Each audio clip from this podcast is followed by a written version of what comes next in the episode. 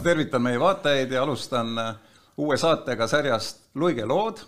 teeme taolisi video, videousutlusi väga tähtsate otsustajatega siin ja minu suureks rõõmuks on minu stuudiokaaslaseks täna minu noorem koolivend Tallinna kolledžist, varasemast seitsmendast keskkoolist, Henrik Hololei, äh, Euroopa liikuvuse ja transpordi direktoraadi juht, tere tulemast, Henrik! Suur tänu, Hans, suur tänu kutsumast ja kui sa meenutasid meie ühist kooliaega, siis see oli tegelikult üks aasta. Ja ma mäletan seda vana traditsiooni, kui tulid esimese klassi õpilased, siis esimesel päeval viimase klassi õpilased viisid neid saali. Ja, ja see oli just nimelt sinu ja sinu paralleelklass, kes meid saali viis, ma ei mäleta ainult, kes sinu eh, klassiõdedest või kooli eh, või klassivendadest oli see, kes minul käest kinni võttis, aga kellelgi võtsid ka sina käest kinni selline näeb välja Euroopa Transpordi- ja Liikuvusagentuuri juhi Henriku rõõmus naeratus, saad näha, kas see naeratus sellisena säilib, kui me räägime neist suhteliselt mornidest küsimusest, mida me kohe hakkame arutama. aga esmalt äh, ma tahan rääkida venelaste sellisest omaette nagu äritegemise viisist nagu vargus. et ma saan aru, et Vene Föderatsioon seoses alanud sõjaga ja jah, suhete jahenemisega on äh, enda territooriumile jätnud ehk ära varastanud siis nii Euroopa kui teiste demokraatia riikide lennukeid ja need lennukite jälgimine, nende äh, liikumise korrastamine käib just sinu direktoraadi alla. kui palju Venemaa on endale siis Boeinguid ja Airbusse jätnud? no kõigepealt äh, sa mainisid seda sõna vargus ja see on tegelikult äh, väga täpne määratlus tihtipeale ka läänes ollakse natukene ettevaatlikud, kuidas selliseid natukene relief, reljeefsemaid väljendeid kasutada. mina ei ole sellest tagasi hoidnud, ma olen seda väga selgelt ka väljendanud ja ka äh, mõni kuu tagasi CNN-ile antud intervjuus ütlesin väga selgelt välja, et, et Venemaa varastab lennukid äh, ja tõepoolest nii see ongi, see pole muidugi venelastele üldse meeldinud ja seetõttu olen ma ka, minust on saanud ka nii-öelda Venemaa rünnakute objekt rahvusvahelises tsiviillennundusorganisatsioonis. personaalselt ma olen olen aru saanud, et netis ja mujal on, on rünnatud. täpselt nii, et ja. Äh, see on suht ebatavaline, äh, ma ei teagi oma kolleege, kes oleks selle nii-öelda rünnaku objektiks sattunud, aga teiselt poolt see näitab seda, et need lennundussanktsioonid, mida me oleme rakendanud, on tegelikult mõjunud päris, päris valusalt. ja, vara, tule... ja varastatud on siis, ma saan aru, üle neljasaja lennuki, mis on jäetud Vene Föderatsiooni ja lendavad sealt välja mõnikord ja siis äh, teie töö on siis nad kuskil siis arestida ja räägi sellest. täpselt niimoodi, täpselt niimoodi, et äh, alguses oli neid lennukeid kuskil neljasaja viiekümne ringis, äh, täna on neid kuskil noh, nelisada viisteist äh, umbes nii ja naa ja, ja need praktiliselt kõik kuuluvad siis Euroopa Liidu ettevõtetele. Need ettevõtted on liisingukompaniid ehk siis lessorid, kes on suur osa lessoritest, enamus Euroopas on registreeritud Iirimaal ja nad on Iiri kompaniid erinevate omanikega. aga siin on, siin on mul üks täiendav küsimus, sa ütlesid, Henrik Need on Iiri kompaniid erinevate omanikega. Iiri on äh, Euroopa üks kuulus offshore tsoon, tõenäoliselt on kompaniid seal väga kasulik registreerida, aga nüüd tuleb minu meelest uudispomm, kui asi on nii, nagu ma olen aru saanud. ütle palun, äh, Henrik, kellele kuuluvad need Venemaal arestitud lennukid äh, kõige suuremas osas, kes on kolm mm -hmm. suuremat tegelikku omanikku, on Iirimaa registreerimine või mitte, see on nagu tühitähi? no kõige rohkem on lennukeid jäänud sinna maailma suurimal lennukiliisijal ehk siis AirCapil ja neid on kuskil täna mingi sada kaheksateist, sada viisteist lennukit. AirCap äh, sai maailma suurimaks liisinguettevõtteks peale seda, kui nad äh, ühinesid või võtsid üle siis GCAS-i, mis oli siis äh, General Electricu liisingu haru ja, ja täna on nendel portfellis kuskil umbes kaks tuhat lennukit ja sellest siis sada ütleme siis sada kakskümmend suurusjärgus on siis jäänud Venemaale, mille, mille koguväärtus on kuskil kaks pool, kolm miljardit. tervikuna kõikide nende lennukite koguväärtus on umbes kümme pool miljardit, kaksteist miljardit kuskil sinna vahel. sellest tuleb ka see kindlustusnõue põhimõtteliselt, mida siis erinevad liisingufirmad on, on esitanud. suur, suur suur vargus, aga, aga ma tahtsin oma küsimusega jõuda sinna, et üks suur osa neist lennukitest on üldse Hiina omad ja teised on Jaapani Jaapani kapitali oma äh,, Bank no, of Mitsubishi vist. ütleme siis niimoodi, et teine suuruselt äh, maailmas liisingufirma on, äh, on täna SMBC ehk siis Jaapani pangale kuuluv liisinguettevõte, mis siis toimib samuti Iirimaal, aga mille peakontor on näiteks registreeritud, ei, see oli AirCapi peakontor registreeritud Amsterdamis ja SMBC on Dublinis registreeritud. oleme nendel... ka üks, üks tubli offshore kant olnud, neid natuke ja, pigistatakse ja, ja kolmas on siis ja kolmas peaks olema Avalon praegusel hetkel. Hiina Rahvavabariik. ja Avalonis on Hiina pangandus sees küll ja Hiina kapitali, aga mitte ainult, nii et noh, mhm. põhimõtteliselt kapital on erinevatest maailma paikadest. aga võib-olla, et Vene Föderatsioon on arestinud ka Hiina Rahvavabariigi vara või, või vähemalt äh, hiinlaste firmade vara? see on tõenäoline küll, jah see on tõenäoline küll ja näiteks see on ka näiteks noh, Hiina on ju tegelikult äh, kogu selles äh, mängus käitunud suhteliselt korrektselt, eh, tahtmata minna vastuollu rahvusvahelise tsiviillennunduse eh, õigus, rahvusvahelise nii-öelda lennundusõigusega ja rahvusvahelise tsiviillennundusorganisatsiooni regulatsioonidega ja, ja, ja ka, ja ka üks või kaks lennukit on tegelikult ka Hiinast kätte saadud ja Hongkongist. vot just, et see kättesaamine, et te, te jälgite nüüd eh, kahtlemata radaritel lennuliiklust väga spetsiifiliselt kogu Euroopa võimekusega kui venelastel jätkub nahaalsust mõne varastatud lennukiga lennata äh, mõnele vabale maale äh, või poolvabale maale, milleks me võime pidada kindlasti kindral Sisi juhitud Egiptust, et äh, mis siis juhtub ja too palun näiteid mm. -hmm. Teie teatate, et te tahate arestida selle lennuki. nii, Kreml teatab, et ta ei luba arestida -hmm. kuidas see käib ja mis maadel on teil teravad situatsioonid olnud? no me oleme kätte saanud umbes eh, nelikümmend lennukit, millest eh, umbes pooled on tegelikult kätte saadud Türgist eh, ja, ja, ja siis muidugi ka erinevatest Euroopa Liidu liikmesriikidest. üks kõige huvitavamaid selliseid protsesse oli ka näiteks Armeeniaga kus meil õnnestus SMBC lennuk ära tuua. Äh, meil olid juba kõik nii-öelda kokkulepped olemas, et lennuk tagastatakse tema nii-öelda siis legaalsetele omanikele ja siis viimasel hetkel Türgi ei andnud äh, ülelennuluba ja, ja, ja siis käis ka Türgiga nii-öelda äh, väga kuum äh, telefonikontakt äh, ja siis kaheteist tunni pärast lubati ikkagi lennukil lahkuda ja nii et Pašinjani lennuk... valitsus Armeeniast Jerevanist tahtis anda lennuki tagasi selle omanikele, et ei allunud Kremlile? täpselt nii. Ja andis ka. ja, ja see lennuk saadi kätte, noh, ütleme tema, eks ole, väärtus kuskil üle, ikkagi üle saja miljoni, saja miljoni ringis, nii et noh, loomulikult on see igale liisingufirmale väikene võit Egiptusega on meil jätkuvalt äh, selline äh, põnev vastasseis. Egiptus üritab nii-öelda istuda kahel toolil ses mõttes, et kõigepealt on nad nii-öelda lennukid arestinud, kuus-seitse lennukit umbes, võib-olla ka isegi rohkem, on täna, asetsevad siis Egiptuse lennuväljadel, Sharm el Sheikhis, ka vist Kairos.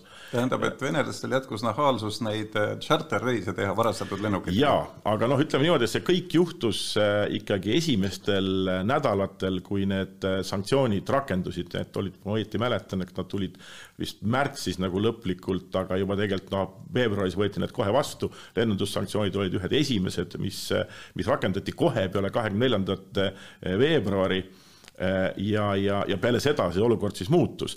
aga egiptlastega on selles mõttes olnud keeruline, et äh, nendele on väga tugevat survet avaldatud Venemaa poolt äh, tasemel, noh, ütleme ministrite tasemel, ma ei tea, kui palju siis lähedal ka presidendi administratsioonist, ja nüüd on nagu põhimõtte küsimus, ühest küljest Egiptus ei taha neid venelastega kindlasti suhteid väga teravaks ajada, kuna see on põhimõtte küsimus, teiseks nad ei taha ka mitte mingil juhul seda meiega teha. ja lennukid siis seisavad seal kõrbeliiva käes? ja lennukid seisavad elavad kõrbeliiva käes, mis on tegelikult väga suur probleem, ma olen ise suhelnud Egiptuse eh, eh, nii-öelda lennuameti juhiga, eh, saadikuga, meie saadik Egiptuses, ma mõtlen siin Euroopa Liidu saadik on suhelnud Egiptuse võimudega.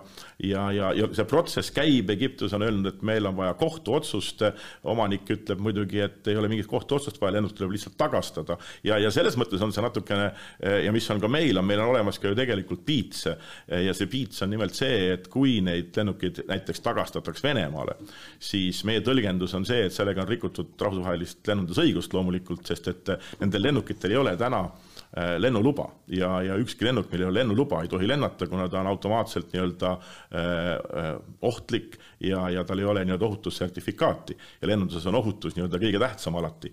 ja, ja kui seda lubataks teha, siis tähendab seda, et Egiptuse lennuamet on lubanud lennata lennukil, millel ei ole ohutussertifikaati, mis põhimõtteliselt annab meile õiguse seada kahtluse alla nende suutlikkust teostada järelevalvet ja kui me nii-öelda saavutame selle, et see seisukoht on prevaleeriv Euroopa Liidu liikmesriikide seas, siis on meil õigus äh, keelata kõikidel Egiptuse registris olevatel lennukitel äh, Euroopasse lendamine. aga kui et... kõva häälega Euroopa Liit saab üldse pahandada endise Egiptuse julgeolekujuhi, nüüdse presidendi kindral Sisiga, et me ju tahame, et Egiptus koos Iisraeliga annaksid siis Euroopale võimaluse nende ühistest mereterritooriumidest saada gaasi ja kõike seda, et, et Egiptus on ju väga tähtis kogu Aafrika äh,, Aafrika juhtimisel nagu oma ressurssidega Euroopa poole, et, et kui sina käratad, kas on Euroopa Liidu äh, mõni kõrgem ametnik, kes järsku ütleb, et ole tasa, Henrik?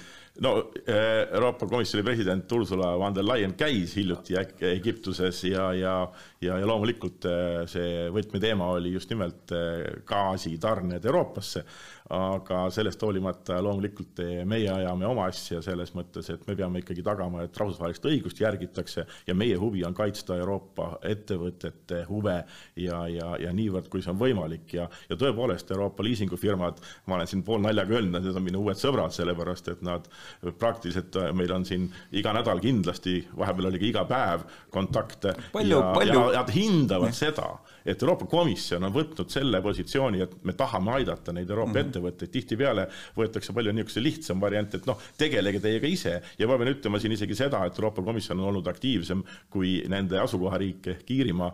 Ja, ja, ja, ja aga noh, täna me töötame muidugi kõik koos ühe eesmärgi nimel. no Iirimaa on lihtsalt number ja ämber, niisugune nagu postkast seal, aga mis juhtub? aga, aga samas, samas Ants, vabandust, ma sulle vahele segan, aga eh, ta võib olla põhimõtteliselt postkast, aga ta on, eh, annab meele meeletu süsti Iiri äh, majandusse, loomulikult ka äh, nii-öelda tervikuna Kuulus äh, väga kallitele töökohtade, väga kallitesse töökohtadesse, liisinguettevõtted, ettevõtetes on, on, on väga head töötingimused, väga kõrge kvalifikatsiooniga spetsialistid. Ja siin on alati olnud ka see, et, et kuidas seda täpselt üldse äh, klassifitseerida, et, et nad pidasid minu arust tükk aega ennast tegelikult finantsteenuse pakkujaks ja täna on nad ennast palju rohkem näinud nii-öelda ka ka lennundusettevõttena ja nad tegelikult kannavad ka laiemat vastutust üldse selles osas, kuidas eh, näiteks kas või lennundus muutub jätkusuutlikumaks keskkonna mõttes. viiskümmend protsenti eh, maailmas tsiviillennunduses kasutuses olevat lennukitest on eh, liisitud ja, ja, ja väga suur osa nendest on just liisitud nende ettevõtete poolt, mis, mis on, mis on Iirimaal registreeritud. räägime veel sellest vargusest, mind, mind kohe erutab see, ma mõtlen, et kui sügavale võib moraalselt langeda üks riik nagu Venemaa ja miks ma seda mõtlen juba aastast kaks tuhat neliteist, on see, et kui nad äh, hõivasid Krimmi ilma ühegi pauguta, mis oli omamoodi geniaalne, kurjalt geniaalne tegu, siis nad võtsid ära, noh, olenemata sellest, seal võltsiti mingi rahvahääletus või mitte ja Krimmi elanikkonnad äh, enamus oleks tõesti võib-olla tahtnudki Venemaaga ühineda. tookord ei olnud Venemaa ennast ju sellise timukana näidanud nagu täna, aga nad võtsid ära ka Ukraina firmale Neftogaas, kuuluvad need Musta mere gaasi ja nafta puurimise platvormid, kuhu vaesed ukrainlased olid värskelt pannud mõned miljardid. Ja siis ma vaatasin, et Euroopa Liit oli neil natuke varguse tee peal ees, kuna venelased tahtsid selle registreerida endale, seal on need äh, ujuvpuurid, laevad, mida, mis tahes, et tahtsid endale selle registreerida, selle varastatud kraami mereregistrisse, aga nad ei saanud ja siis nad panid jõelaevandusregistrisse Krimmi Mustal merel varastatud. kas te saate kuidagi mõjuda ka kaudsemalt äh, juriidiliselt Venemaale no,? me saame mõjuda, mõjutada selle kaudu, et rahvusvaheline registripidaja, eks ole, noh näiteks Lloyds on, on, on, on vast kõige tuntum. ja, ja, ja ka nendega koostööd tehes, et ka praeguses olukorras on nad tegelikult võtnud väga eh, kriitilise seisukoha Venemaa registris olevate laevade suhtes, nii et, et selles mõttes meil see koostöö on, juriidiliselt me seda muidugi teha ei saa, selles mõttes, et noh, see ju, registrit ei pea mitte Euroopa Liit, aga, aga on selge, et nad rahvusvahelistes registrites, nad on selles mõttes ettevaatlikud, et sinna mitte registreerida eh, kahtluse all olevaid, olevaid objekte. ja, ja, ja noh, selles, selles ei ole ka midagi uut ja kui registreerivad, siis te ei tunnista enam Vene merendusregistrit või? no põhimõtteliselt jah, on see, on see, on see, on see võimalik ja, ja ja see muidugi tähendab, eks ole, ju paljusid kitsendusi ka, ka laevadele tervikuna ja see on nüüd ka tulnud väga teravalt üles kogu selles kontekstis, ka sanktsioonide teema. aga kellel, kellel veel on põlv hakanud nii-öelda värisema, kui, kui sinu direktoraat on teatanud, et teie äh, Äh, pealinna lennuväljal äh, seisab varastatud lennuk, andke tagasi omanikele. kas Sri Lankaga läks kõik korda või lennuga? Sri Lankaga oli meil tõesti selline huvitav, äh, huvitav ähm, äh, case, et ähm,, et jällegi see oli Airbus kolmsada kolmkümmend, minu arust Aeroflotile kuuluv ja, ja, ja see, selle siis äh, oli plaan, et, et saaks see, see seal kinni peetud ja, ja omanikule tagastatud äh,. Sri Lanka võimud pidasidki selle lennuki kinni, algul tundus asi suhteliselt optimistlik, siis venelased avaldasid väga tugevat survet. see oli veel eelmise presidendi ajal ja, ja kes siin häbiga lahkuma pidi hiljuti ja, äh, ja tegelikult nende suhted Venemaaga olid suht lähedased, Venemaa lubas neile ka energiakandjaid äh, odavamalt äh, ja muidugi läbi selle tahab oma, oma, oma jalajälge ka ja moosis ära, et lennuk, lennuk lasti laht-, lahkuda no ütleme niimoodi, et see oli hästi huvitav sellepärast, et Lennuamet pidas seda kinni, see asi läks kohtusse ja koht enne kui kohus otsustas, eh, põhimõtteliselt presidendi käsuga siis nõuti, et lennuk vabastatakse, lennuk lendas tagasi. kohus otsustas peale seda, kui lennuk oli läinud, et lennukit ei tagastata. nii et, et selline, selline huvitav juhtum, aga, aga jällegi eh, koha peal meie saatkonnad tegid väga eh, aktiivset tööd ja, ja, ja eks me niimoodi teemegi, noh, kellega meil ei ole õnnestunud nagu mingisugustki mõistlikku sidet saavutada ja, ja kelle puhul ka meie ähvardused ei loe eriti palju, sellepärast nad lihtsalt ei lenda Euroopasse, on äh, mõningad Kesk-Aasia riigid, äh, räägime siin Tadžikist, äh, Kõrgõzstanist, kellel on Venemaaga lähedasemad suhted ja kellel on ka palju rohkem hoobasid, nii et, et sinna on lennanud mõningad neid varastatud lennukid. aga huvitav on see, et tegelikult peale seda, kui me hakkasime neid lennukeid püüdma ja me jälgime neid ju kogu aeg, eks ole ju tänu koostöös Eurokontrollile, kes noh, jälgib kõike, mis toimub õhuruumis, maailmas ja Euroopas mm, -hmm. siis äh, venelased ei ole need enam nii-öelda üritanudki, et nad, et nad lendaksid äh, nende lennukitega kuhugi kolmandasse riiki, välja arvatud siis, kui tegemist on mingisuguse eriti sõbraliku kolmanda riigiga, aga ja. et nad kuskil mujal isegi noh, ma ütlen siin Hiinat või, või, või kas või mõni Aafrika riik, lihtsalt pigem varga, varga peas põlegu müts. nüüd äh, sa mainisid, et Boeingud või, või Airbusid ei pea väga kaua vastu äh, kõrbeliivas, äh, liivatormis seistes. noh, tõenäoliselt Egiptuses on siis mingid kotid neile peale tõmmanud. jaa, no Egiptuses meil mm, -hmm. meil ongi, ma rääkisin mm -hmm. seal ka siin paar nädalat tagasi äh, Egypt Air Holdingu juhiga Äh, kellel on ka tegelikult väga lähedased suhted äh, liis-, li-, liisingufirmadega, kuna mm -hmm. Egypt Air liisib nende käest, kes üritas ka mingisugust noh, et mingit lahendust, ütles, et noh, et tegelikult on ju võimalik, et äh, need, kes seda lennuki hooldust teostavad, ka näiteks firma enda poolt, omaniku poolt, siis võiksid juurde pääseda, aga, aga liisingufirma väidab, et see ei ole siiski võimalik ja nende mure on just nimelt see, et, et nii-öelda kallid lennukid seisavad kõrbes ja, ja iga päevaga võib-olla nende, eh, nende eh, väärtus väheneb ja küsimus on ja. ka see, kas nad on eh, hiljem lennukõlblikud. kindlasti ei ole nad selle väärtusega, nagu ta oleks muidu olnud. ma, ma tahan kahest küsimusest edasi rääkida, vaat milline lugu et kuulasin siin demokraatlike Venemaa podcast'e ja kõigepealt tunnustatud ja ülimalt minu meelest nõtke Äh, mõtlemisega naine Julia Latõnina ütles kurvalt, et Euroopa andis äh, Putinile järele, et nad hakkavad tarnima äh, lääne lennukite varuosi, et neid paigult-, paigutada siis Venemaa lennujaamadel neile varastatud lennukitele. ja, ja veel üks bloger seda kordas ja, ja siis ma olen aru saanud, et tegelikult see ei ole nii, kas sa võid kinnitust anda, et Euroopa ja USA ikkagi ei müü neile lennuki osi varastatud ja, lennukitele ma, ma ise, ja, ja millest see segadus tuli? ma ise, ma ise nägin seda ka ja, ja, ja ehmatasin ära, et, et kust, kust nagu selline uudis on tulnud. noh, ütleme nii, et see oli lost in translation, nagu öeldakse, et, et väikene, väikene majasisene tööõnnetus, mis tegelikult Teie, teie majasisene? no ütleme niimoodi, et Euroopa Komisjoni sisene, sellepärast et läks välja mingi kirjatöö, millest võis ja, välja lugeda millest võis välja lugeda ja valesti tõlgendada, tegelikult olukord ei ole absoluutselt aga on, kas seda on, aga kas on arutatud, et näed, et ähm, meie ja et punased Kremli, Kremli, Kremli punaste müüride vahelt tuli selline palve ja te olete selle siis tagasi lükanud? no palvet ei ole otseselt tulnud mm, -hmm. eks ole, eks siin on igasuguseid mõtteid, mida, mida ju tegelikult on välja toodud, et noh, me ju oleme ka rääkinud liisinguettevõtjatega, noh, nende huvi on ka saada, kui nad lennukit tagasi ei saa, ka mingisugust rahalist kompensatsiooni ja nii edasi mm. -hmm. aga mis on selle juures huvitav, on see, et Venemaal on ka lennuettevõtteid, mis on olnud ikkagi noh, päris nii-öelda erakapitalil põhinevad ja väga hea mainega ja üks nendest on S7. ja, ja S7 on ka väljendanud soovi see nii-öelda küsimus lahendada mingil viisil ja on valmis nii-öelda lennukid ise tagastama või maksma kompensatsiooni. Vene valitsus absoluutselt ei aktsepteeri seda ja, ja lootus, et sealt midagi kätte saada, ma arvan, et on väga-väga väikene, aga, aga kui nad peaksid seda tegema, noh siis, siis see vähendab kogu seda kahjumit, mis liisinguettevõtetel on. aga tõepoolest, noh, me siin räägime väga erinevast käitumismudelist eh, S7 ja, ja, ja näiteks Aerofloti vahel, eks ole, ja eile oli ka, olen ka eh, meedias jooksnud läbi see uudis, et Aeroflot alustab eh, lennukite kannibalismi stabiliseerimist, mis tähendab seda, et mõni terve lennuk võetakse osadeks, kuna varuosi lihtsalt ei ole Venemaale tarnitud ega ei tarnitagi ja ei kavatsetagi tarnida ja ka hiinlased ei tarni mingeid varuosi, peavad olema originaalosad põhimõtteliselt, noh, ei saa ka välistada, eks ole ju, et noh, mingisugune äh, Juri või Volodja kuskil treibingil mingisuguse mutri valmis teeb, noh, see no, automaatselt see... tähendab, et lennuk muutub äh,, okay. muutub äh, ohtlikuks ja, ja teine asi on see, et noh, kõik need lennukid on nagu selles mõttes juba äh, nii-öelda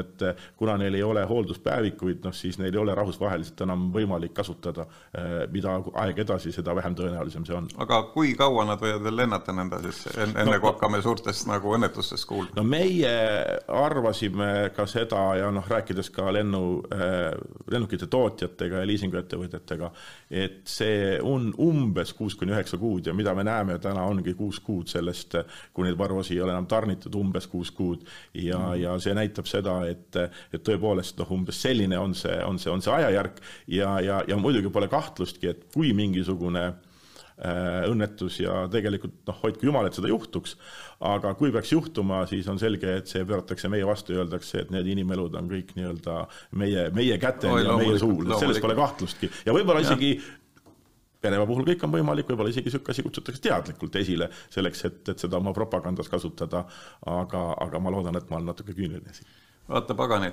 nüüd räägime natukene laiemalt transpordist veel, asjadest, mis, mis ka roomavad, ujuvad, veerevad, et kuidas, kuidas on lääne abi jõudnud Ukrainasse?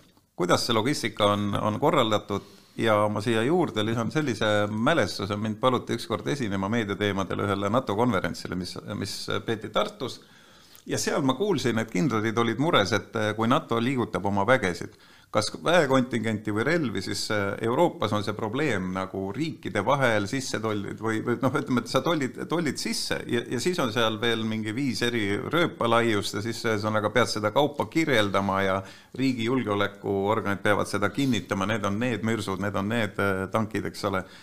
kuidas see Ukraina relvastamine mitte ainult relvadega, vaid ka laskemoonaga, mida tuleb ju pidevalt peale anda, on kulgenud?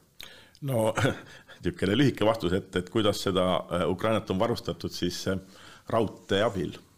kõik, äh, põhimõtteliselt kõik liigub läbi, ütleme raudtee kaudu, noh, mingi osa, aga väiksem osa loomulikult veokite, trakkidega, aga raudtee mängib üliolulist rolli ja, ja, ja ilma selleta oleks Ukraina varustamine praktiliselt võimatu.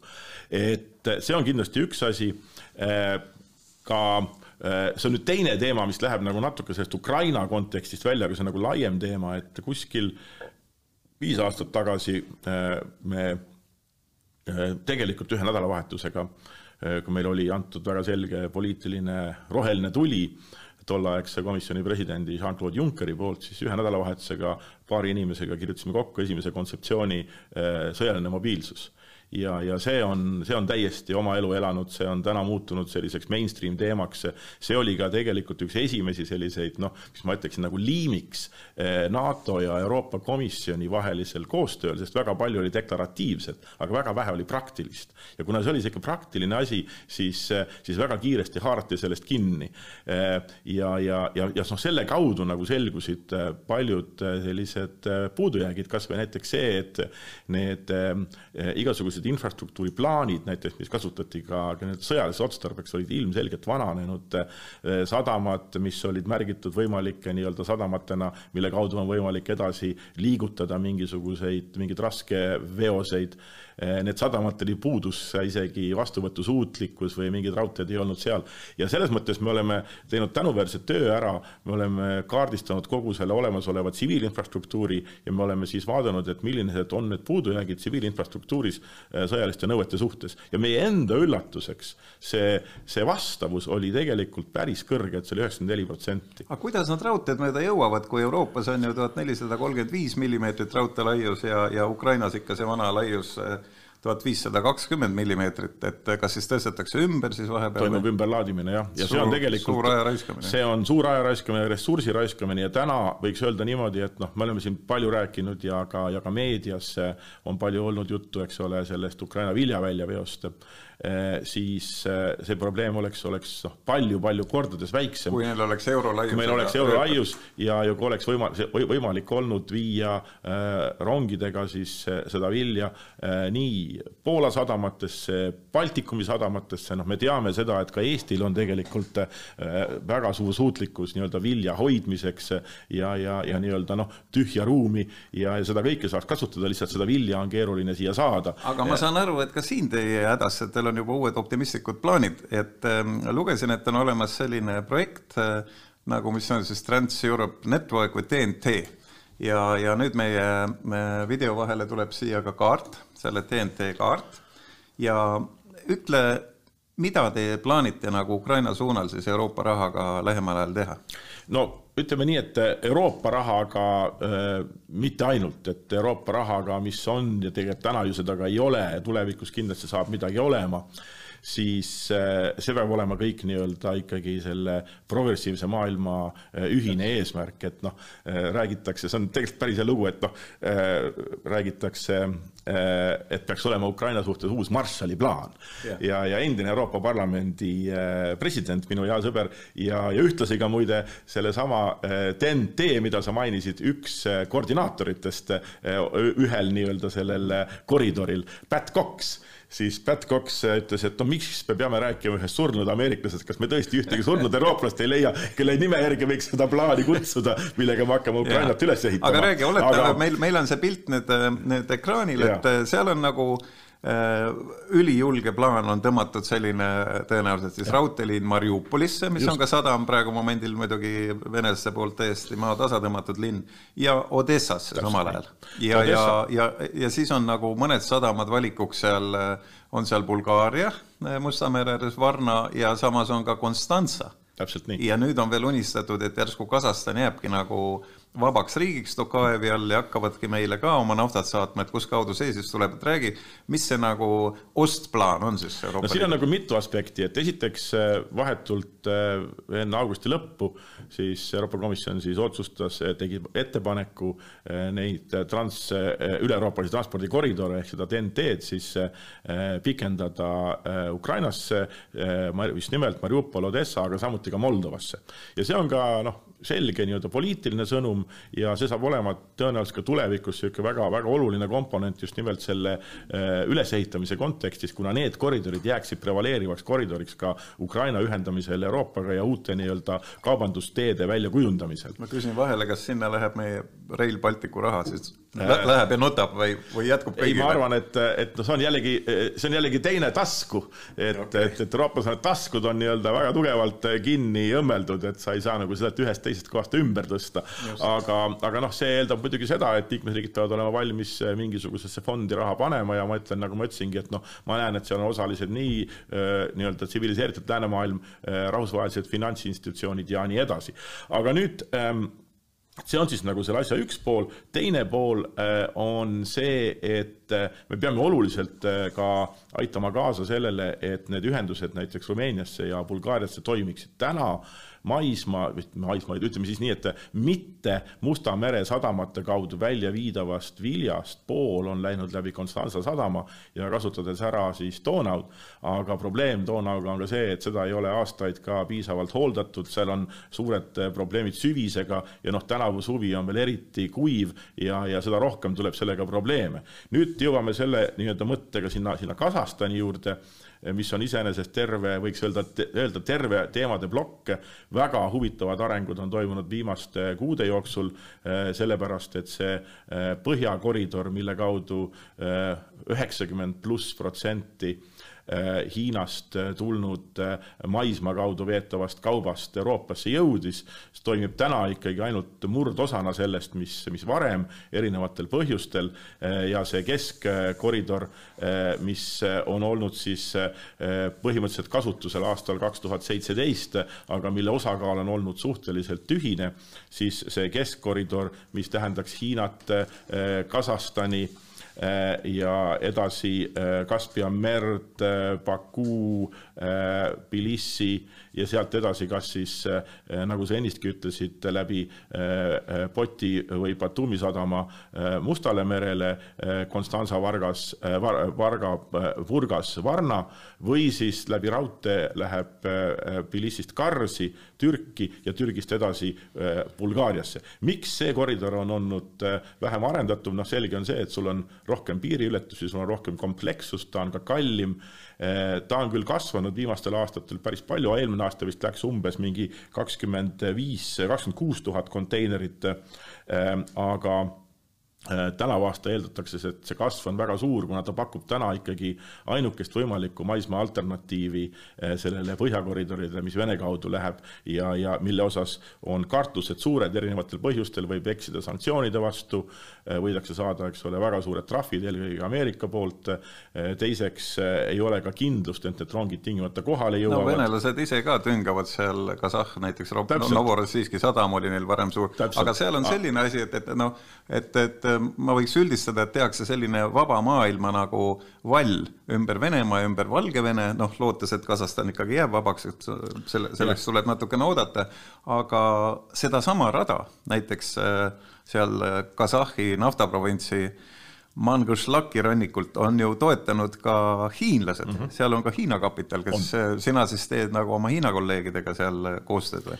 No Hiina kolleegidega, ega siis eh, seda, seda koostööd ju äh, peab mingil määral olema. ja ma mõtlen, et standardid on ja, erinevad ju. standardid on erinevad äh, ja eks seal on ka seesama probleem, eks ole, et sul on need ümberlaadimise vajadused, aga see hakkab ju algselt pihta, sellepärast et kõik, mis Hiinast tuleb läbi Venemaa, nõuab samuti ümberlaadimist, kuna ka Hiina äh, raudteerööpa laius, eks ole, on sarnane siis Mandri-Euroopa rööpa laiusega, mitte Venemaa viisteist kahekümnele, omal ajal olid need kõik need põhja, kõik need erinevad rööpmelaiused, neil oli ka oma strateegiline ja sõjaline põhjendus lihtsalt, et ei saaks eh, ronge kasutada teisel territooriumil, nii et no just. pole ka ime. aga, aga rööbaste laiuste juurde, et kas sellega praegu ei käi kaasas nüüd äh, Euroopa Liidu ja, ja sinu liikuvuse ja transpordiametkonna surve et ka Ukraina muudaks oma rööpmalaiuse siis tuhande neljasaja kolmekümne viie millimeetri peale ja et ka Eestis enam ei arendata näiteks neid Vene laiusega raudteesid, siin on ju lobi on olnud, et ikka Venemaalt ka ja Venemaa jääb igavesti meie naabriks,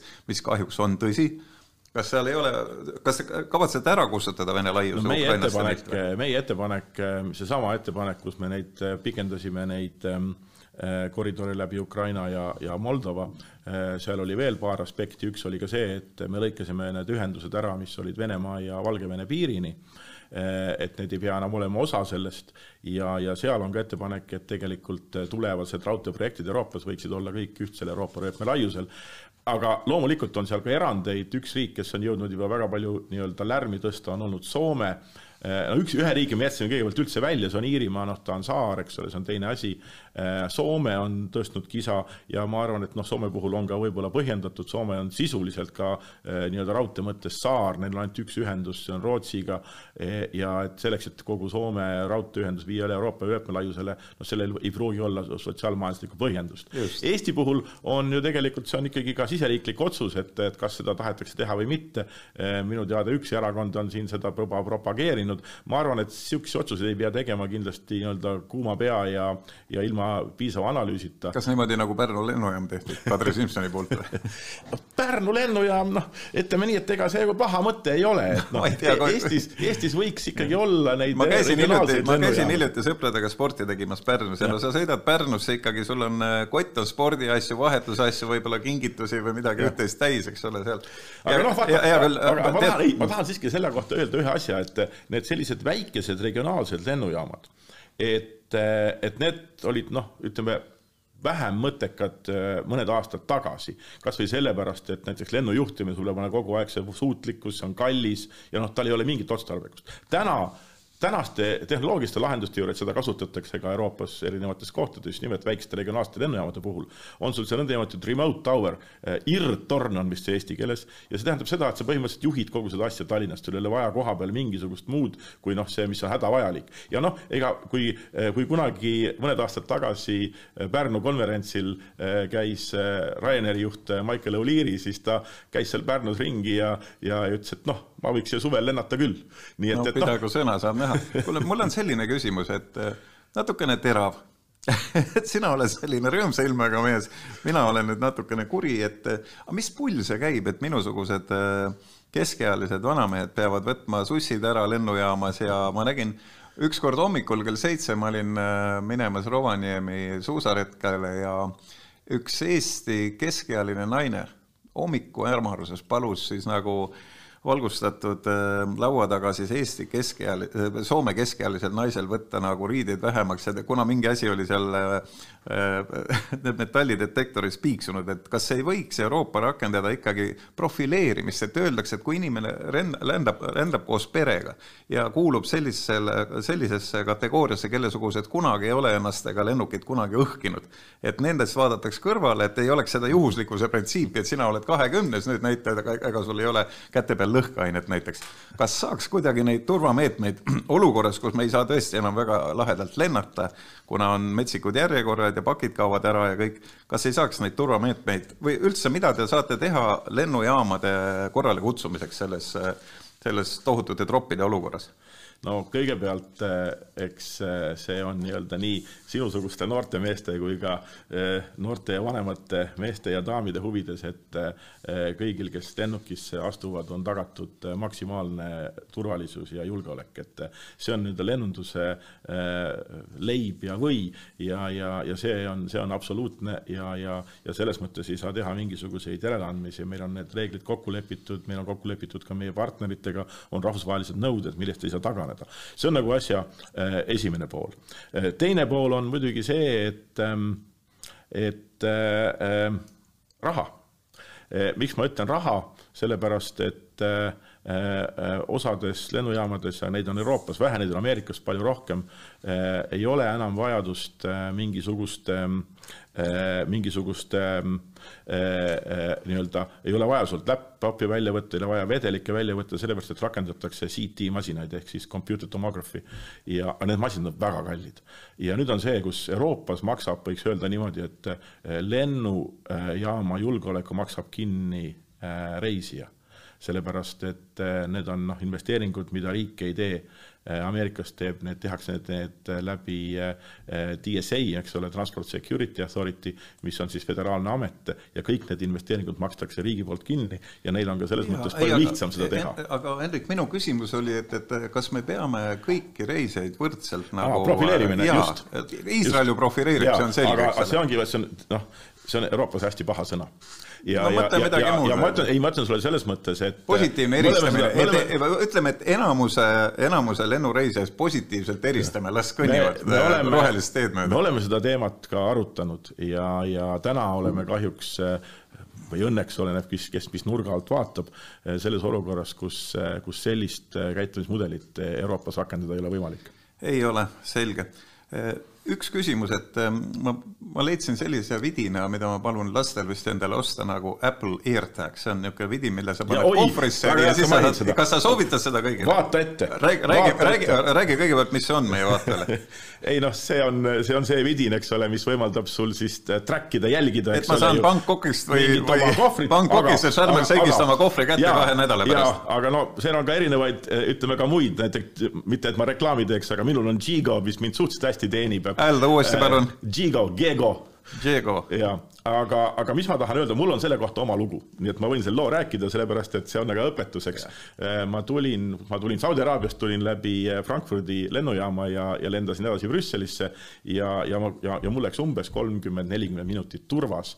kogu see nii-öelda turvarada äh, pandi kinni peale. sinul, sinul, Hendrik, oota, kas sa ei kasuta seda äh, uudset laadi Airpassi, millega mina eile Leedust tulin, et sa lähed järjekorras kõrvale. ma ei tea, kas Frankfurdis niisugust asja on, aga igatahes läbi okay. turva tuleb minna, see on see nii-öelda vaheetapp, eks ole, kui sa tuled kolmandast riigist, kellega meil lepingut ei ole, eks ole, sul tehakse nii-öelda turva, kui sa Euroopasse sisened. no ja kuidas aga, meeldis, kuidas nii, meeldis? aga ei, küsimus pole üldse selles, vaid küsimus on selles, et mul on niisugune asi, see ei ole küll Apple AirTag, see on mingi teine firma, mul ei tule praegu see meelde.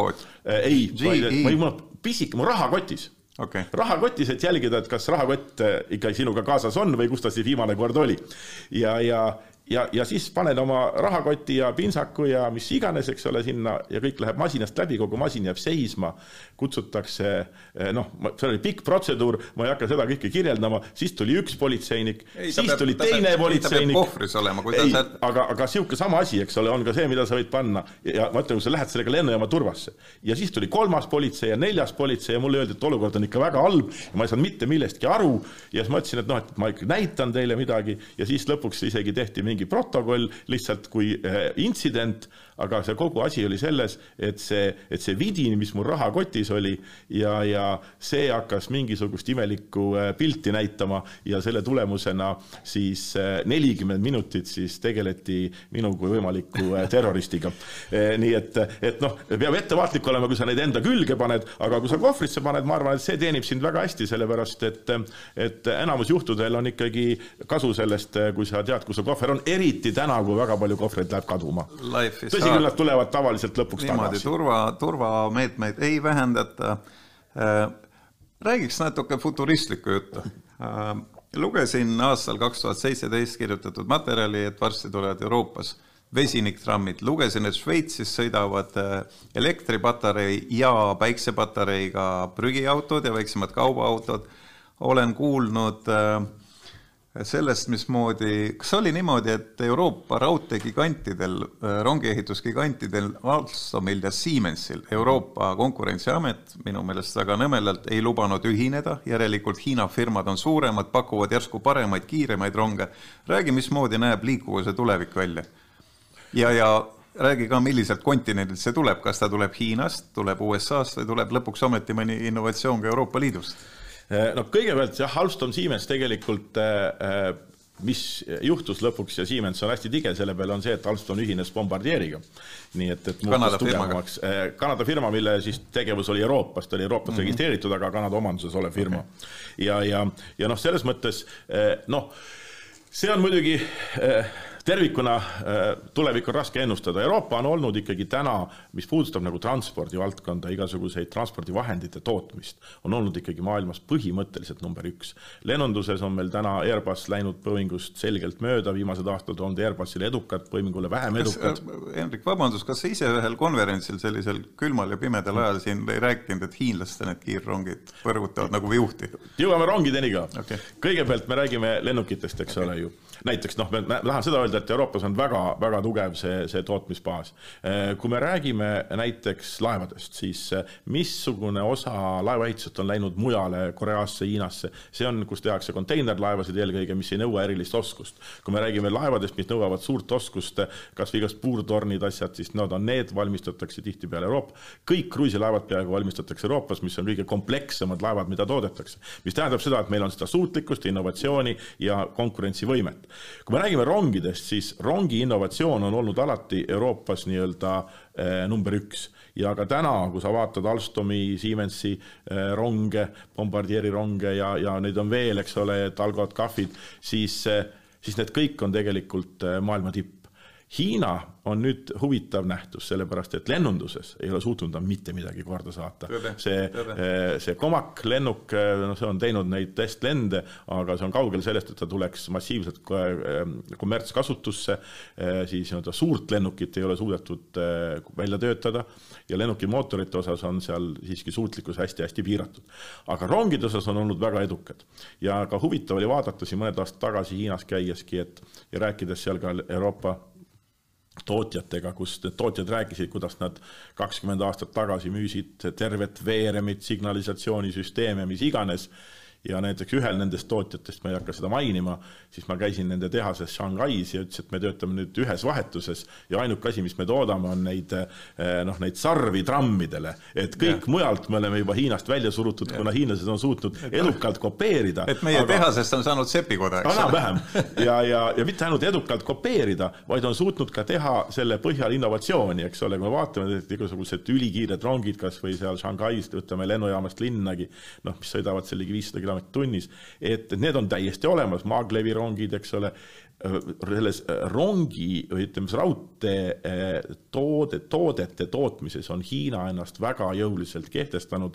Nad on müünud oma tooteid ehm, äh, näiteks Californiasse äh,, nad on müünud oma tooteid, minu teada on Mekka, Medina vahel, ütleme sinna Saudi Araabiasse, nad on müünud oma tooteid Euroopasse aga ärme unustagem, et tegemist on ikkagi Hiina riigikapitaliga, Hiina riik kindlasti toetab, seal on kindlasti ka selliseid aspekte, eh, mis tulevad välja just nimelt nendel eh, eh, avalikel hangetel, kus see, see riigipoolne osalus varjatuna aitab neil ka teha paremaid pakkumisi ja mingit, tihtipeale mingit eelist, mingisugust sammukest selgelt edasi Euroopa või USA arengutes nad ei ole transpordi valdkonnas teinud ma arvan, et, et ega, ega nad midagi erilist eh, nii-öelda fundamentaalselt uut ei ole teinud ja kui me vaatame, noh, kus nad täna tugevad on, noh, loomulikult nad on arendanud elektriautosid, nad on viis, arendanud vesinikautosid. 5G-s, mis ei ole küll transport. ja 5G kindlasti, aga, aga noh, samas eh, see, see osades valdkondades see kvaliteediga küsimus on ikkagi väga suur. ma olen küsinud okay, ka okay., võtame, võtame jänkid, et üks koma üheksa triljonit oli see summa, mis Biden jagas siis Äh, ligi aasta tagasi äh, riigiabi, osa sellest läks Covidi äh, Covidi kahjustuste ja, ja, ja töötajate toetuseks, aga osa läks taristusse. kas, kas jänkidel on tulemas midagi uut, uued energiaallikad, uus kihvtim transport, kihvtimad sillad, kui neil need viiekümnendate aastate, mis need on, see Florida äh, mis asi, Florida Pike või mingi no ühesõnaga, et neil on viiekümnendate aastate sillad Ameerikas, nagu me teame. Turnpike. on Turnpike, just nimelt. on, on, et, et, et sillad on vanad, ütleme ka aga kas mingit tehnikat, kas vanad. nad mingi uue tehnika toovad või ei ole näha? eelkõige oluline kas või see, et nad suudaksid olemasoleva nii-öelda taristu viia paremale tasemele, et Ameerika puhul ja. on just see, et noh, taristu kvaliteet on jube kehva, aastakümneid on tegelikult see olnud alarahastatud ja ei ole kokku lepitud, ma ei tea, kas see nüüd, see olukord muutub, aga nende jaoks on see nagu hästi tähtis, et see nii läheks, kas või näiteks noh, Ameerika puhul on ju huvitav see, et teil on väga hästi toimiv äh, raudtee kaubavedu aga, aga ütleme, mis puudutab nii-öelda inimeste reisimist, on, on täiesti aga mul on selline küsimus, et kummad ametiühingud suudavad äh, liiklusele rohkem kahju teha, kas Ameerika ametiühingud, vaata seda lennuliiklust, mis seal on, või Euroopa omad no.? Euroopa omad on tõepoolest siin mõnes sadamas ajanud vastu, et kapten ei saa kai juurde, kui altkäemaksu ei maksa. aastal kaks tuhat kakskümmend oli oli Amsterdamis üks konverents, kus äh, üks, üks informeeritud daam tegi ettekande sellest, mis toimub sadamates, kuidas kaptenid peavad isiklikult kas mingeid, äh, ma ei tea, kas Marlboro konteinerid panema välja sinna kohe, panevad, panevad, ajavad reelingu äärde, et nagu võtke, laske meid palun maabuda, muidu ma saan, saan ametist priiks, kuna ma ei saa nagu nädala jooksul maha laadida, et kellele ametiühingud on suuremaks probleemiks? no ma arvan, et äh, ametiühingud noh, ei saaks öelda, et nad on probleemiks, vastupidi, ametiühingutel on suur roll ühiskonnas, meie partnerid. näiteks nad suutsid aga..., näiteks nad suutsid mis see oli, see Los Angeles äh, Long Beachi sadama nii kinni panna, et kõik ootasid oma just, Apple'i ja Maci konteinerit. ma just, ma just tahtsingi oma niisugused ametiühingu partnerid. ma just tahtsingi oma, oma jutuga sinna jõuda, et, et seda, mida me oleme näinud siin ka viimastel kuudelgi äh, Los Angelese sadamas, mille tõttu ka äh, kannatavad nii-öelda konteinerite kättesaadavus ja konteinerite hinnad Aasiast Euroopasse on jätkuvalt ülikõrged. üks põhjus on ka see, et näiteks ameeriklaste suurim Vaikse ookeani sadam, Los Angeles sadam, lihtsalt ei suuda äh, laevasid maha laadida, laevad ootavad nädalaid ja see on ka just nimelt äh, väga jõuliste ametiühingute poolt saavutatud. Euroopas on näiteks ka, kui me räägime nendest sadamatöölistest ja nendest dockworkers, siis see on väga selline suletud tsunft, kellel on väga suur ähm, läbirääkimiste äh, võim, ehk siis see bargaining power ja, ja nad kehtestavad väga paljuski oma reeglid ja, ja, ja saavutavad ka selle, kuna sadamate jaoks on palju hullem asi see, kui nad peaksid oma töö kinni panema, see toob endaga kaasa igasugust dominoefekti ja selles mõttes jah, teatud ametiühingutel on väga suur roll lennunduses samamoodi, eks ole, inimesed tahavad lennata lõppkokkuvõttes ja, ja kui sul ikkagi mitu päeva lennukid ei lenda, siis lõppkokkuvõttes ollakse valmis ka läbirääkimisteks ja kokkulepeteks. väga õige, inimesed tahavad lennata, võtame eestlase lennuvõimalused, et tõepoolest oli, oli täiesti traagiline see, kuidas äh, majandusminister Johan Partsi ajal siis see Estonian Air hakkas vaakuma, siis ta tõmmati pankrotti, siis nad jäid võlgu veel oma stjuardessidele pilootidele kaks miljonit eurot, mida pärast nad kohtu kaudu olid sunnitud maksma, näotu lugu. aga enne seda pöördus kõige vahvam kahtlemata Eesti ja võib-olla ka Läänemere Äh, transpordifirma Tallink riigi poole sooviga võtta Estonian Air üle, teha sellest äh, Tallink Air, aga mitte osaleda nendes äh, sinna kuhju, sabana kuhjunud võlgades, kolmkümmend miljonit või mis see võis olla, see läks nurja. et kas sa saad kommenteerida, kas riik oleks saanud teisiti teha või ei saa, kas noh, kui sa hakkad kellelegi midagi müüma, mille sa ise oled, ütleme ausalt, pekki keeranud, kas sul on õigus oma kahjumit nõuda uuelt ostjalt? ja teine asi kas vastab tõele üks selline kuuldus, mida ma olen ka informeeritud ametkondades kuulnud, et Tallink peale seda, sellepärast et Enn Pant ja Ain Hanschmidt kahtlemata ei põe mingit agressiivsuse puudust, käisid, et, et Air Baltic ära osta, et Läti tohutu äh, koloss, eks ole, Baltikumi tingimustes. no ma arvan, et äh, seda me teame kõik, et Hans, sa oled väga hästi informeeritud inimene. et mis puudutab seda äh, omaaegset Estonian Airi, siis, siis muidugi ähm, see probleem tuli sellega, et äh, et sinna äh, maksti äh, illegaalset äh, riigiabi ja, ja lõppkokkuvõttes see riigiabi pidi ühel või teisel moel tagasi makstama ja, ja, ja, ja selle, selle konstruktsiooni käigus oleks olnud väga raske, et riik oleks selle kohustuse enda kanda võtnud, vaid sel juhul oleks pidanud see ostja seda kohustust kandma. ma, ma, ma natukene mäletan seda, seda protsessi samamoodi ja, ja, ja see tehti väga, väga selgelt ka nii-öelda osapooltele selgeks, et millised need nõudmised on on, mida tuleb arvesse võtta. Eh, ma arvan, et selleks hetkeks eh, Estonian Airi eh, päästmine oleks olnud praktiliselt võimatu. tegelikult ta oligi võimatu ja seda, seda, seda raha ei oleks olnud mitte kuskil tagasi maksta ja see ettevõte sellisena enam jätkata ei saanud. no aga jätnud sa siis riigi maksta ja andnud siis nagu Tallinki meestele puhtalt probleem olekski nagu olnud see, et see ettevõte peab seda kandma sel juhul ja, ja., ja ta ei saa, riik ei saa seda kanda. muidu, muidu see oleks olnud nad, ka. Nad kandsid niikuinii ära see, see Nordica oli seesama Estonian Air, isegi sama pardaajakiri, sama pardaajakiri tuli meile printeri trükki. nõus, aga see tehti vähemalt, see tehti vähemalt juriidiliselt korrektselt, aga, aga mis puudutab Air Balticut, siis äh, mina olen ka neid, neid, neid, neid kuulujutte kuulnud, ei, ei oska kinnitada ega ümber lükata, aga, aga selles mõttes ma absoluutselt seda ei kahtle, sellepärast et Tallink on minu arust üks Eesti kihvtimaid ettevõtteid, kes on ikkagi, ikkagi suutnud saavutada uskumatu tulemuse Läänemerel, oma turuosa laienenud ka muudesse valdkondadesse. Ja, ja ma arvan, et see mõte, et et ka, et, et ka lennunduses eh, oma rolli mängida eh, neil kindlasti oli, võib-olla on eh, ja, ja, ja koostöö Air Balticuga oleks olnud igati mõistlik, sellepärast et Air Baltic vähemalt tol ajahetkel vajas väga täiendavat kapitalisüsti ja oli valmis ka igasugusteks läbirääkimisteks. nüüd on neil plaanis ka ikkagi tulla, ma ei tea, kas järgmine aasta või ülejärgmine aasta IPO-ga, nii et noh, eks paistab. Mm, meie jaoks on ta väga tähtis, kuna meie jaoks on ta ikkagi kõige olulisem ühenduse oi, ära räägi, tulla selle whiteboard'i Boeingiga Riiast Tallinna, see on ikka unistus. ütle palun, mis sai sellest Leedu plaanist teha virtuaalne lennufirma? Ausalt öeldes, ega ma nüüd täpselt ei teagi, ma ei ole oli, oli seda... selline plaan, sa oled seda kommenteerinud? ja, ja ma arvan, et nad midagi vist tegid, aga ausalt öeldes, ega ma selle eh, eh, nii-öelda käekäigu vastu ei ole piisavalt huvi tundnud, ega ei ole ka kuulnud ausalt ei öeldes. ei tea, võtame järgmise küsimuse, ju siis ei ole.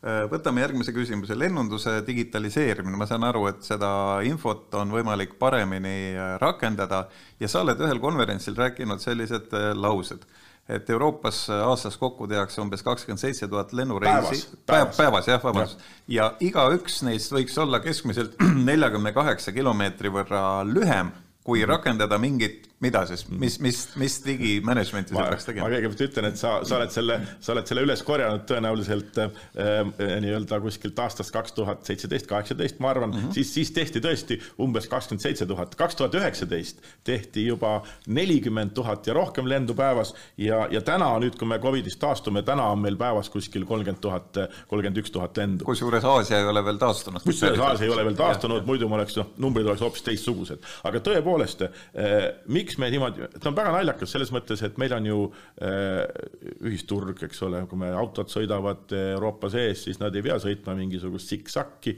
lähevad üle riigipiiride, kus see on kõige optimaalsem ja kus see on võimalik. aga lennunduses, kus sul mingeid piire justkui ei ole, aga õhus on need piirid täiesti olemas, siis, siis lennunduses äh, need, need õhupiirid äh, ei võimalda lennukitel lennata optimaalset trajektoori ja, ja see ongi toonud sinna, et noh, see kalkulatsioon mõned aastad tagasi, viis aastat tagasi oli kuskil nelikümmend kaheksa kilomeetrit, täna ta on tõenäoliselt vähem, aga see hulk eh, CO kahte, mida toodetakse ja see hulk kütust, mida võiks eh, kokku hoida, on ikkagi väga arvestav, väga arvestatav, kui sa kõik need numbrid kokku lööd. samas eh, suur hulk liikmesriike räägivad mingisugusest nii-öelda, ma ütleksin natukene iganenud mõistest suveräänsus õhus see ei peaks olema mingisugune probleem. Igasuguste tänapäevaste digitaalsete on ikkagi kõvem sõna no,, ma arvan. tänast, tänapäevaste digitaalsete lahenduste juures äh, me suudaksime äh, viia need lennud kõik optimaalsele trajektoori, ma toon ühe näite lihtsalt. meil oli üks suur infrastruktuuriüritus, meie aasta suurim oli Lyonis juuni lõpus ja sellega seoses me noh, ka promosime neid rohelisi lende ja, ja üks nendest noh, oli ka Vueling lendas Barcelonast ähm, Äh, siis ähm, äh, sinna Lyoni ja lendas optimaalset trajektoori.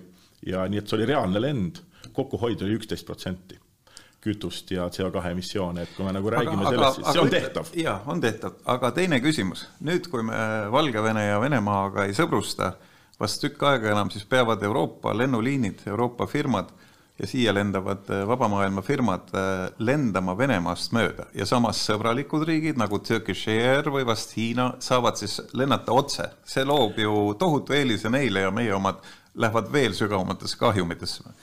Noh, sügavates kahjumites see selles mõttes ei lähe, noh, on kahju muidugi sellest, et sellest saab kõige rohkem pihta meie, meie hea äh, naaberriigi äh, lennukompanii Finnair, mis minu arust on väga kihvt kompanii ja kellel on ka väga kihvt juht äh, ja, ja ja noh, nende jaoks on see olnud muidugi äh, väga suur löök, kuna nende strateegia oli üles ehitatud just nimelt äh, üle Venemaa lendudele Aasiasse. Nad on täna ka vist kõige aeglasemini taastuv lennuettevõte, minu arust on neil kuskil kolmkümmend protsenti täna vähem kui aastal kaks tuhat üheksateist, noh, Ryanairil on näiteks viisteist protsenti rohkem e,. ja, ja, ja aga noh, samas nad on muutnud ka oma strateegiat, nad on muutunud palju nii-öelda äh, vastupanuvõimeliku, vastupanuvõimelikumaks ehk see nii-öelda resilientseks selles mõttes, et nad on arendanud oma, oma oma, oma lennuvõrku Ameerikasse, nad on leidnud uusi lahendusi. et lennuettevõtted leiavad uusi lahendusi, aga tõepoolest, kui Finnair lendab täna Tokyosse, siis see on kuskil kolm pool kuni neli tundi pikem lend, mõelge, mis see tähendab nii-öelda on... kulule, kütusele ja nii edasi. et see on, see on selles mõttes suur kaotus ja noh, paljud Euroopa lennuettevõtted samamoodi, et nad on sunnitud lendama siis äh, lõuna poolt, eks ole, äh, vältimaks Vene piiri, aga me ei tea täna reaalselt, mis on see efekt sellel põhjusel, et Aasia turg on suletud. Laias laastus, sul on Hiina suletud, sul on äh, äh, Taiwan suletud, sul on Hongkong suletud, sul on Jaapan suletud, eks ole, ja, ja Korea on suhteliselt piiratud olnud, et, et seda, seda efekti ei ole veel nii-öelda sisendina sisse tulnud, aga loomulikult see tähendab suuremaid kulusid ja, ja, ja see on nagu konkurentsi mõistes okay. hea, aga samas noh, no huvitav, et noh, äh, näiteks äh, Jaapani ja Korea lennuettevõtted, kelle jaoks ei ole Vene õhuruum suletud on otsustanud mitte lennata Vene õhuruumi kaudu. hiinlased lendavad, noh, täna me näeme seda eelkõige, eks ole, kargolendudel, kuna nad, noh, reisilende on vähem. aga siis, kui nad hakkavad lendama reisilende, siis on neil selgelt eelis ja siin on küsimus ka meile ja, ja ütleme siis meie poliitilistele otsustajatele, et kas me tahame midagi teha selleks, et seda äh, Eh, et seda ebaõiglust kuidagi võrdsustada. Eh, me teeme seda ikkagi ka ju eetilistel, moraalsetel kaalutlustel, ehk siis eh, vältimaks Venemaad. Venemaa ise on kehtestanud meile selle, eks ole, aga me loomulikult peame oma sanktsioone jätkama. ja, ja siis on küsimus, et, et kas, kas on mingisuguseid võimalusi nende kolmandate no, riikide Holla, Hollandi kohus suhtes. ütleb alles novembrikuus, kas seda Vene puks sihtis seda Malaisia ja Boeingut ikka meelega või kogemata, ei ole veel üldse selge. mul on nüüd üks, kuna härra peadirektori, direktoraadi peadirektori aeg on kahtlemata piiratud, mul on üks äh, tehniline küsimus ja, ja üks isiklik küsimus. tehniline küsimus on taoline, et äh, meile joonistati äh, näiteks konsultatsioonifirma Civita joonistas kolmesaja tuhande eest Eesti riigile ja Rail Balticule plaane, mida Rail Baltic hakkab vedama, kui valmis saab. nüüd tuleb nendest plaanidest Vene kaup ilmselt maha tõmmata. mis sellega saab ja teine küsimus, et noh, venelastel äh, tuleb praegu väga suur veokite voog, mis läheb Murmanskist ja Leningradi oblastist läheb üle selle Skandinaavia tiigri sinna äh, Kopenhaagen Malmö sadamasse veoautode kaudu. mis on plaanis teha nende tossavate veoautodega, kas vastab tõele, et Rail Baltic või üldse Euroopa raudtee saaks käivet siis, kui veoautod äh, survestada ma loen, et aastast kaks tuhat viiskümmend autode CO2 heide peab üheksakümne kolme protsendi võrra olema vähendatud, ma ei tea, kas selline idealism kunagi leiab materialiseerumist. kas on plaanis teha sellised äh, liikumisvahendid nagu raudteeplatvormid, kuhu peale aetakse siis veokite, veokite äh, need ähm, haagised ja siis teises kohas raudtee pealt võetakse jälle maha, kas on selline suur plaan ka olemas? Siin oli sul mitu küsimust, et, et, et noh, kõigepealt, eks ole, noh, see, see Rail Balticu äh, transiidi osa, ma mäletan, kui ma umbes mäletan, see, see kaks tuhat seitseteist või kaheksateist, millal see viimane äh, kalkulatsioon tehti, oli umbes kakskümmend seitse protsenti, see sisaldas endas ka Ukrainat ja Valgevenet äh,, Ukrainat, Valgevenet ja Kasahhi aga noh, täna on äh, geopoliitiline olukord muutunud, aga ega, ega, aga niisuguste taristuprojektide puhul me ei räägi ju tegelikult viiest, kümnest, isegi mitte kahekümnest, me räägime kolmekümnest, viiekümnest aastast. sest Venemaal võib korraks isegi demokraatia tulla, seal ajuti ikka on, eks ole. kuidas see kõik muutub, seda on võimatu täna prognoosida. tol hetkel oli see prognoos adekvaatne täna seda, mis meil täna on, ei osanud mitte keegi ette näha ja ma arvan, et täna ei oska mitte keegi ette näha ka seda, mis meil kolme aasta pärast on. nii et noh, selles mõttes eh, loomulikult need prognoosid eh, muutuvad ja ka kogu selle Rail Balticu puhul täna, eks ole ju, eh, kaubad, inimesed on kõik väga tore, aga see nii-öelda geostrateegiline ja sõjaline tähtsus on muidugi nii selgelt kogu selle Ukraina kriisi ja Venemaa agressiooni taustal esile tulnud, nii et noh, see on täna kordades olulisem kui, kui miski muu. aga mis puudutab nüüd veoautod raudteeplatvormide peale? jah, miks mitte.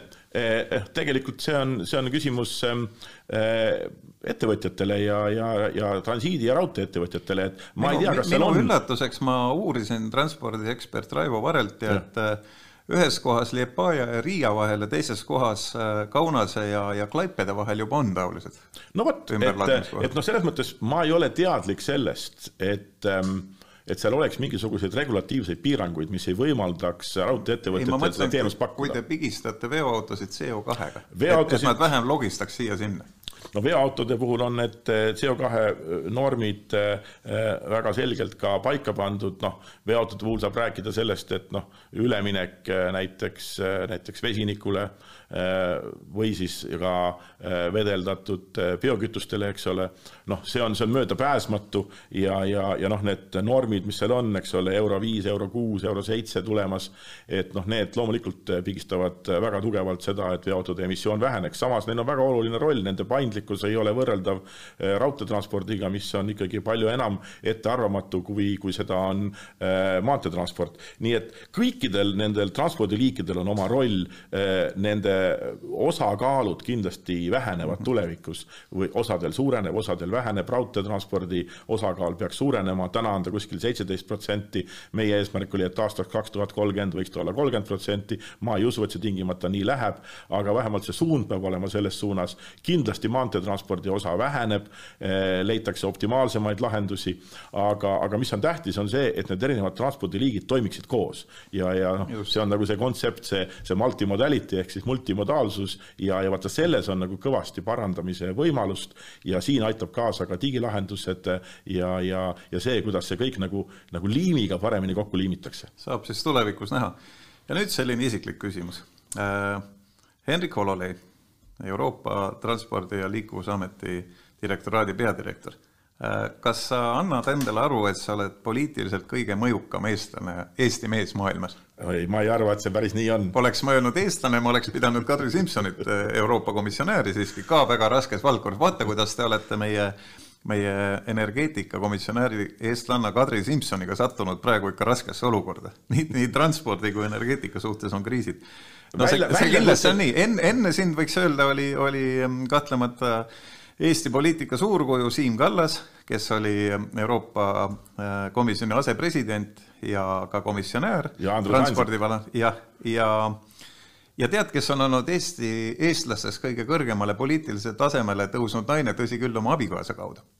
see on äh, Katariina Lornberg. Äh, jah, tema, tema on, äh, on sellisest kohast nagu Esna mõisast Paide kandist ja ta sai Mihhail Kalinini naiseks. enamus aega Teise maailmasõja paiku ta oli kinni muidugi, sest et ta oli tegelikult trotskist ja selline naine, aga see, see oli, see oli noh, someone to someone, ta oli Mihhail Kalinini pikaaegse Ülemnõukogu, Nõukogude Liidu Ülemnõukogu esimehe naine, Ülemnõukogu Liit hõlmas ühte kuuendikku kogu maailmast. mis sa edasi teed, et äh, tiivad kannavad äh,, oled täis äh, visiooni ja äh, ja tegutahet, elan vital, nagu ütleb, ütleks prantslane, et kas tuled, tuled Eestisse ka, et saaks öelda, et ükskord Henrik tuleb koju Eesti põlve uueks looma, Eesti rahvale õnne tooma? jah, aitäh, aitäh sulle, Ants, heade sõnade eest. Need olid faktid, sa Aga..., sa oled kõige tähtsamas, tähtsamal poliitilisel kohal Eesti mees täna no nii. maailmas, maailmas. kas, kas tuled Eestisse, kas sa näeksid ma, ma olen alati selle, selle mõttega ju mänginud ja eks eh, ma olen nüüd olnud ära kaheksateist ja, ja pool aastat, aga ma ei ole mitte kuidagi nagu, mingis mõttes ma arvan, et ma ei ole nii-öelda äh, kultuuriliselt ja, ja ütleme ka emotsionaalselt äh,, intellektuaalselt äh, mitte kunagi mingit sidet Eestiga kaotanud äh,. üritan võimalikult palju seda kontakte hoida ja, ja samuti kursis olla sellega, mis siin toimub. et, et, et selles mõttes hoolimata sellest, et ma elan mujal ja käin Eestis suhteliselt harva, äh, olen ma ikkagi noh, suures osas äh, selles Eesti elus sees ja süda tuksub kindlasti Eesti elule kaasa ja kui see juba niimoodi on, siis loomulikult äh, on sul alati ka huvi selles suhtes, mis siin toimub.